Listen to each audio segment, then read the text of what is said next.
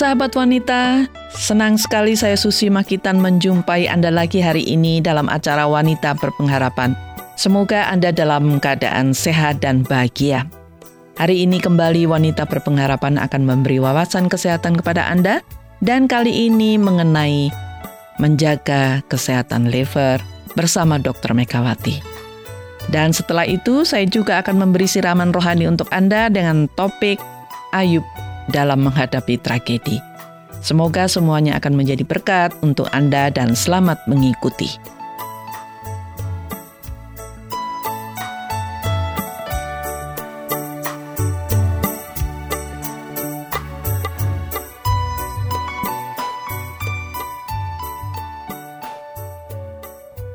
Sahabat liver atau hati merupakan organ tubuh kita yang sangat penting. Gangguan kesehatan liver bisa sangat fatal dan membawa kematian, misalnya seperti kanker liver. Oleh sebab itu, kita harus menjaga kesehatan liver kita dengan baik, dan kita bisa menjaga liver kita dengan baik bila kita mengenal akan fungsi dan gangguan apa saja yang bisa dialami oleh liver atau hati kita. Nah, hari ini saya akan berbincang-bincang dengan Dr. Megawati mengenai liver dan bagaimana kita bisa menjaga kesehatannya. Dan saat ini Dokter Mega sudah bersama saya. Bagaimana kabarnya dok hari ini? Sehat-sehat saja. Sehat saja, sehat dan bahagia tentunya ya dok iya. ya. Terima kasih untuk kedatangannya. Dan hari ini kita akan berbicara mengenai bagaimana kita bisa menjaga kesehatan liver kita. Liver atau hati dikatakan sebagai organ yang penting dalam tubuh kita ya dok ya. Nah ini fungsinya apa saja dok? Dikatakan penting itu fungsinya seperti apa sih? Kita perlu mengenal hati dulu sebagai mm -hmm. organ vital terbesar di tubuh. Oh, terbesar ukurannya ya? Iya, warnanya Dibanding coklat, jantung iya. dan lainnya. Oh, beratnya satu setengah kilo. Oh, begitu. Terletak di rongga kanan atas, kanan tepat atas, di ya. bawah rusuk bagian kanan. Hmm. Jadi hati ini dua bagian, ada yang kanan dan kiri ya Bu Susi. Hmm. Yang kanan tuh enam kali lebih besar. Oh, dan gitu. fungsinya itu Mm-mm. luar biasa. Mm-mm. Jadi Apa hati ini dia untuk pertahanan hidup dan berperan pada hampir setiap fungsi metabolisme tubuh. Hmm. Jadi misalnya Mm-mm. dia itu untuk metabolisme protein. Mm-mm. Jadi mengurusi asam amino ini. Mm-mm. Terus dia juga metabolisme lemak, Protein, metabolisme lemak. karbohidrat, Wow. metabolisme dari darah. Jadi darah da- Mm-mm. darah yang sudah berumur tua, Mm-mm. darah itu umurnya 120 hari Bu Susi. Jadi Setelah kalau sudah tua, tua, Dia masuk ke pabriknya ini Mm-mm. hati. Nah, Terus di situ dipecah. mm, Dipecah hemoglobinnya atau HB-nya itu dijadikan bahan bakunya empedu. Oh, begitu Nah, ya dok ya. Hati jadi menghasilkan empedu ya Bu ya, Mm-mm. sekitar satu liter per hari. Nah, Hmm. empedu ini kan membantu untuk menyerap vitamin, ngurusi lemak. Makanya Hmm. mota- metabolisme lemaknya pun ada di hati ini. Di hati ya. Jadi protein, lemak, terus darah tadi itu ya Iya, dok ya. melindungi Karbohidrat tubuh, Bu. juga ya. Melindungi tubuh Mm-mm. Dari dari segala sesuatu karena Mm-mm. dia proses imunitas. oh imunitas. Imunitas tubuh itu ada di hati. Oh begitu. Jadi ada yang namanya sel-sel yang khusus menanggulangi serangan bakteri dan virus itu Hmm. diproduksi di hati. di hati ya. Hati Mm. juga mengolah vitamin, terutama vitamin D, Bu Susi. Hmm, Itu harus D ya. diaktifkan oleh hati supaya bisa Hmm. dipakai. Jadi, Jadi, ini banyak memang ya. Fungsinya sangat penting bukan banyak aja tapi penting iya, ya. Karena dia kan untuk pertahanan hidup dan Mm-mm. berperan hampir pada semua fungsi. Mm-mm. Kapasitasnya besar, Mm-mm. fungsi jaringannya itu juga hebat Mm-mm. dan satu-satunya organ yang memiliki fungsi regenerasi itu hati. Hmm, hati Jadi ya. hati itu bisa tumbuh, Bu Susi. Oh gitu ya. Iya, kalau misalnya Mm-mm. saraf, ginjal ya, kalau rusak ya rusak gitu. Tapi Mm-mm. hati, itu, bisa tumbuh. bisa tumbuh. Menurut Oh. penelitian tuh dia bisa tumbuh. Jadi bisa Hmm, regenerasi iya. jaringan-jaringannya. Bisa muda lagi gitu ya. Iya. Dan dia juga menyimpan dan mengedarkan gula ke seluruh Hmm, tubuh. Dalam menyimpan hati, dan mengedarkan gula dalam ya. hati gula ini disimpan sebagai namanya glikogen Bu Susi. Mm-mm. Nah, ini nanti yang akan dikeluarkan sesuai dengan kebutuhan, kebutuhan tubuh. tubuh ya. Duh, Mm. hati ini banyak sekali. banyak sekali ya, sangat Iya. penting ya dok ya. Penting sekali dalam tubuh. Nah, kan saya sering dengar ini banyak sekali tuh gangguan yang bisa dialami tuh oleh hati kita atau liver kita. Nah itu gangguannya apa saja dok? Ya semuanya namanya aja Mm-mm. organ ya. Mm-mm. Dia bisa kena infeksi. Infeksi, Contohnya hepatitis A, Oh, C, B, Mm-mm. C gitu ya. hepatitis ya. heeh. Jadi Hepatitis. infeksi pada hati itu ya, iya, pada liver itu. pada infeksi. Mm-mm. Terus itu bisa kronis, bisa Mm-mm. akut, bisa Mm-mm. menyebabkan sirosis, bisa Hmm, menyebabkan kanker hati. Kanker hati. Terus juga Mm-mm. ada yang namanya perlemahan hati Hmm, atau fatty liver. fatty itu bisa liver. karena alkohol, bisa Hmm. karena bukan karena alkohol. Jadi Mm-mm. makan makanan yang, Yang terlalu berlemak. berlemak. Lemak tinggi ya. Iya. Jadi itu membuat hatinya berlemak begitu Iya. ya dok ya. Ada Mm-mm. juga penyakit hati itu karena adanya sumbatan Bu Susi. Hmm. Jadi saluran-salurannya misalnya salurannya ini tersumbat Mm-mm. sehingga misalnya saluran di empedu. Mm-mm. Antara hati dan empedu ini kan ada saluran. Mm-mm. Dia tersumbat. Mm-mm. Nah, sehingga asam-asam empedu ini tidak bisa keluar masuk keluar masuk. Bisa Hmm. menyebabkan penyakit di hati. Oh begitu. Iya. Hmm, itu ya. Iya, dan juga ada penyakit hati itu karena keturunan namanya hemokrom. Jadi ya Genetik hatinya gitu. sakit lah, genetik Oh, gitu. Itu sudah dari sononya gitu ya. Iya. Nah kalau kita lihat di Indonesia nih gangguan liver terbanyak yang bisa dialami oleh masyarakat kita itu apa dok? Hepatitis. Hepatitis ya? Ya, atau radang Hmm, hati karena virus ya. Mm-mm. A, B, C Oh, itu begitu. paling banyak di Indonesia. Mm-mm. Sama mungkin nomor duanya ya perlemahan hati ya Bu Susi. hati ya karena Karena konsumsi lemak atau alkohol. alkohol. alkohol Yang tadi itu yang. iya. mm. Nah sekarang bagaimana kita bisa mengetahui tanda-tanda bila liver kita itu terganggu gitu dok? Tanda-tanda yang muncul tuh apa? Lever itu kan fungsinya di antaranya kan dia itu ini ya membentuk empedu ta Bu Susi. Mm-mm. Jadi warnanya itu bisa kalau ada liver atau empedu yang ini warnanya bisa kuning-kuning begitu. Kuning kuning ya? Ya, Mm-mm. biasanya kuning, terus Mm-mm. air seninya keruh, Keruh. atau mual muntah. Hmm. Jadi sebenarnya hampir semua gejalanya itu hampir sama. Hampir Jadi sama ya. mual, muntah, Mm-mm. kuning. Ini liv- kuning ya, ditambah kuning ya. Terus Khas apa air itu. seninya itu pekat gitu warnanya, Iya, Hmm, gelap ya. kuning itu Mm-mm. karena bilirubin. Jadi dia Bilirubin. menghasilkan bilirubin. Jadi kalau ada masalah Mm-mm. bilirubinnya meningkat, dia jadi kuning. kuning. Enggak ada demam ya dok ya? Demam ada tapi Ada. kadang-kadang saja. Yang Mm-mm. lebih banyak ya mual muntah, Mm. lemas karena ada hubungannya juga dengan Mm-mm. pencernaan. Pencernaan. Nah, Mm. untuk mengetahui dengan pasti bahwa liver kita ini sedang terganggu, ini pasti pemeriksaan darah ya, Pemeriksaan darah bisa. bisa ya? Ah, Yang lebih pastinya kan tidak semua ada penyakit misalnya kanker Mm-mm. mungkin pemeriksaan darah ya bisa tapi bisa. lebih jelasnya lagi di USG, USG ya, atau Heeh. CT scan perut. Hmm, Pemeriksaan itu darah- untuk mengetahui menyeluruh ya berarti ya Mm-mm, dok ya. mm-mm. Mm-mm. Pemeriksaan darah itu ya bisa mesti harus semuanya itu harus Hmm. dilakukan. Mm-mm. Dok, saya pernah dengar mengenai cangkok hati. Nah, ini bagaimana? Ya memang Hatinya dicangkok dengan hati orang lain Iya. begitu. Hmm. iya memang sudah ada pengobatan seperti itu ya Bu Seperti. Susi Ini ya. kalau orang mengalami apa? Gagal hati. Oh, gagal hati Jadi ya. hatinya sudah rusak, Oh. bisa karena sirosis Mm-mm. atau karena kanker. Mm-mm. Jadi Mm-mm. itu semua bisa atau pelemakan hati yang parah sehingga Mm-mm. menyebabkan mual, muntah Mm-mm. dan gangguan hati yang lain. Mm-mm. Gangguan hati itu bisa menyebabkan gula darahnya meninggi, Bu Susi. Oh, begitu. Iya, ada hubungannya dengan diabetes nantinya Mm-mm. juga. Hmm. Nah, itu berarti ganti hati ya. Memang sungguh-sungguh diganti hatinya. Hmm. Hati yang jelek ini dibuang, Dibuang, diganti, diganti. hati. Nah, dicangkokkan hati. Cangkokkan Kan ya. tadi kita tahu ya bahwa hati ini punya proses regenerasi sel yang Mm-mm, baik. Bisa tumbuh Jadi ya. dia bisa tumbuh, jadi Mm-mm. menyatu dengan tubuhnya yang Hmm. diberikan. Hanya kan Oh, cangkok ini kan mesti harus lihat cocok atau tidaknya. tidak ya itu itu ya dok ya. Heeh, Oh, itu kan benda asing. gampang dapat Heeh, heeh. ditolak atau Hmm. enggak, Oh, enggak gitu gampang ya. dapat donor. Hmm, Terus hmm, biayanya mahal sekali. kali ya. Hmm, makanya saya dengar-dengar orang kalau cangkok hati banyaknya ke luar negeri itu pasti mahal banget ya dok ya. Iya. Hmm. Nah sekarang apa nih yang harus kita lakukan supaya kita bisa menjaga kesehatan hati kita atau liver kita dok?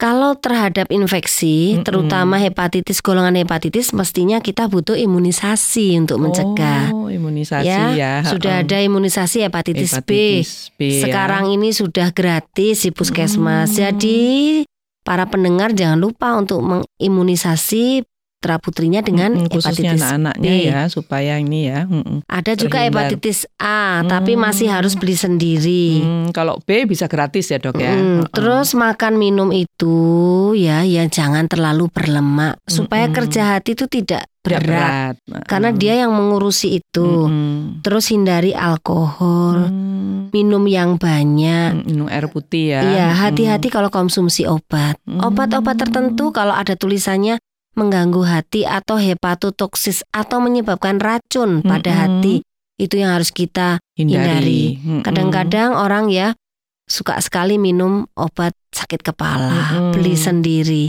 Mungkin pendengar tidak tahu bahwa obat sakit kepala yang terus-menerus diminum Hmm. itu juga bisa membuat rusak hati. Hmm. Jadi untuk menjaganya Jadi harus sudah waspada Tolong, ya kalau iya. misalnya sudah sering sekali minum obat sakit kepala harus ingat hati harus ingat livernya Iya, ya jangan bisa teracuni ya dok iya ya. jangan sedikit-sedikit minum Hmm, obat mm-mm. gitu loh. Tahu minum obat itu Mm-mm. mesti tanya ke dokter. Mm-mm. Jadi air putih terus menjaga makanan supaya jangan terlalu banyak makan lemak gitu ya dok ya. Itu saja dan juga alkohol ya dok ya. Mm-mm. Terima kasih banyak untuk penjelasannya dok dan saya yakin ini sangat berguna untuk pendengar. Sampai jumpa di program berikutnya dok ya. Sampai jumpa Bu Susi.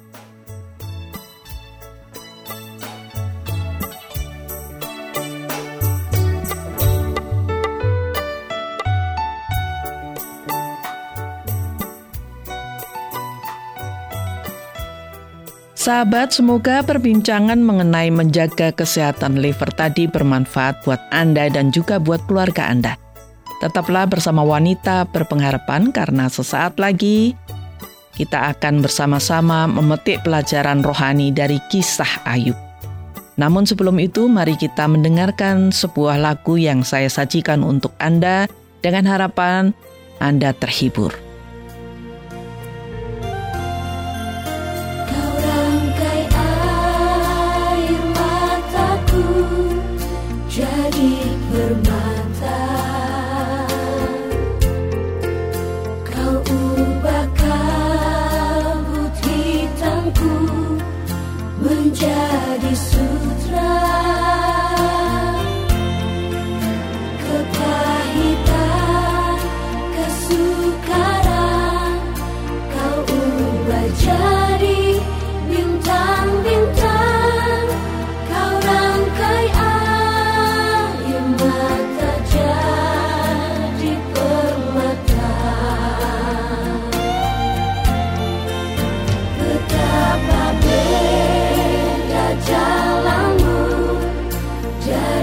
Jalanku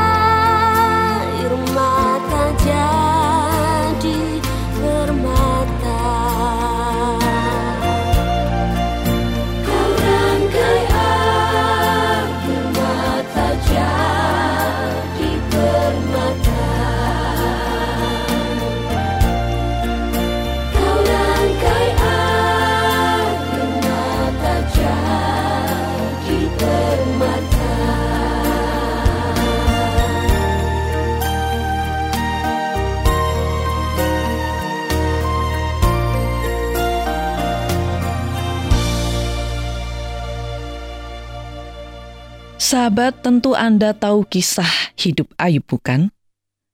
Anda mungkin sering mendengar kisah Ayub karena orang lain menceritakannya kepada Anda, atau Anda membaca sendiri dalam Alkitab kisah itu. Nama Ayub sangat terkenal karena kisah tragedi hidupnya yang membuat kita kagum dan heran dengan cara Ayub menghadapinya. Bila Anda belum pernah mendengar kisah Ayub, Anda bisa membaca kisahnya di Alkitab. Dan hari ini saya akan sedikit mengisahkan hidup Ayub untuk Anda. Dan kita akan memetik beberapa pelajaran rohani yang menguatkan iman kita. Sahabatku, Ayub adalah orang saleh. Ia juga seorang yang kaya raya. Ia memiliki tujuh anak laki-laki dan tiga anak perempuan. Ayub juga memiliki tujuh ribu ekor kambing domba, tiga ribu ekor unta, lima ratus pasang lembu, lima ratus keledai betina, dan budak-budak dalam jumlah yang sangat besar. Sehingga Ayub adalah yang terkaya dari semua orang di sebelah timur. Sahabat, jadi Ayub adalah orang saleh, jujur, serta kaya raya. Dan pada satu hari, Ayub mendapat pencobaan yang luar biasa.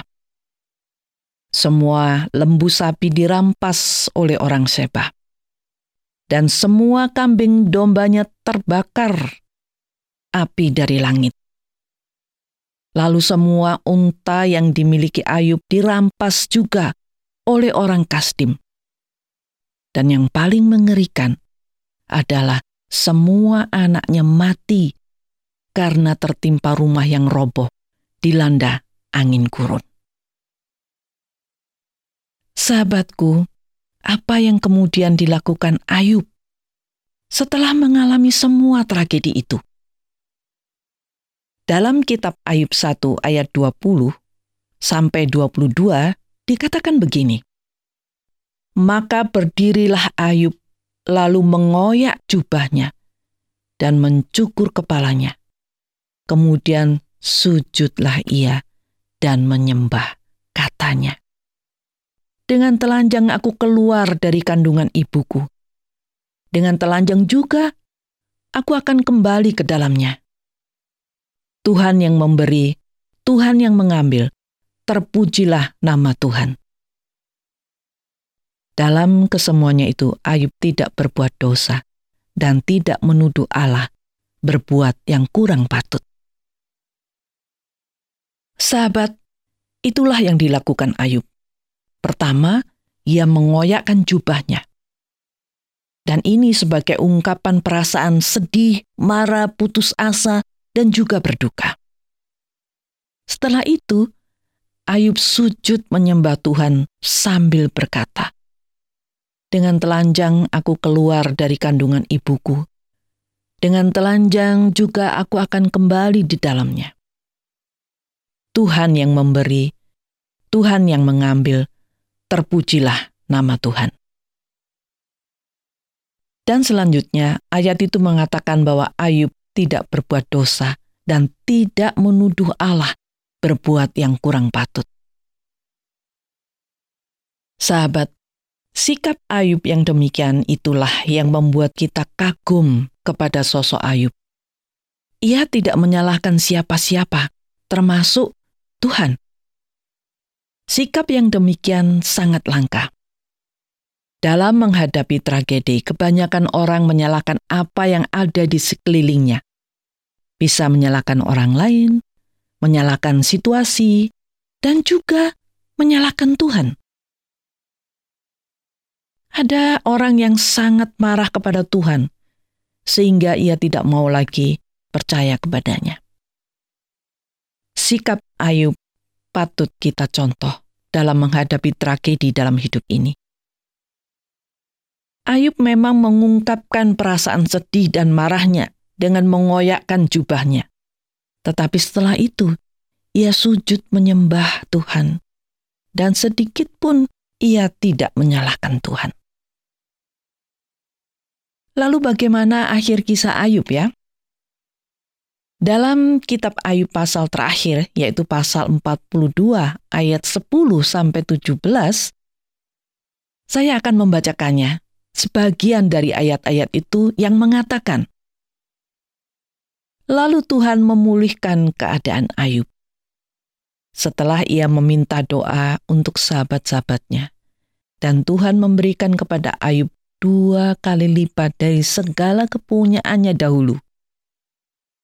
Kemudian datanglah kepadanya semua saudaranya laki-laki dan perempuan, dan semua kenalan yang lama, dan makan bersama-sama dengan dia di rumahnya.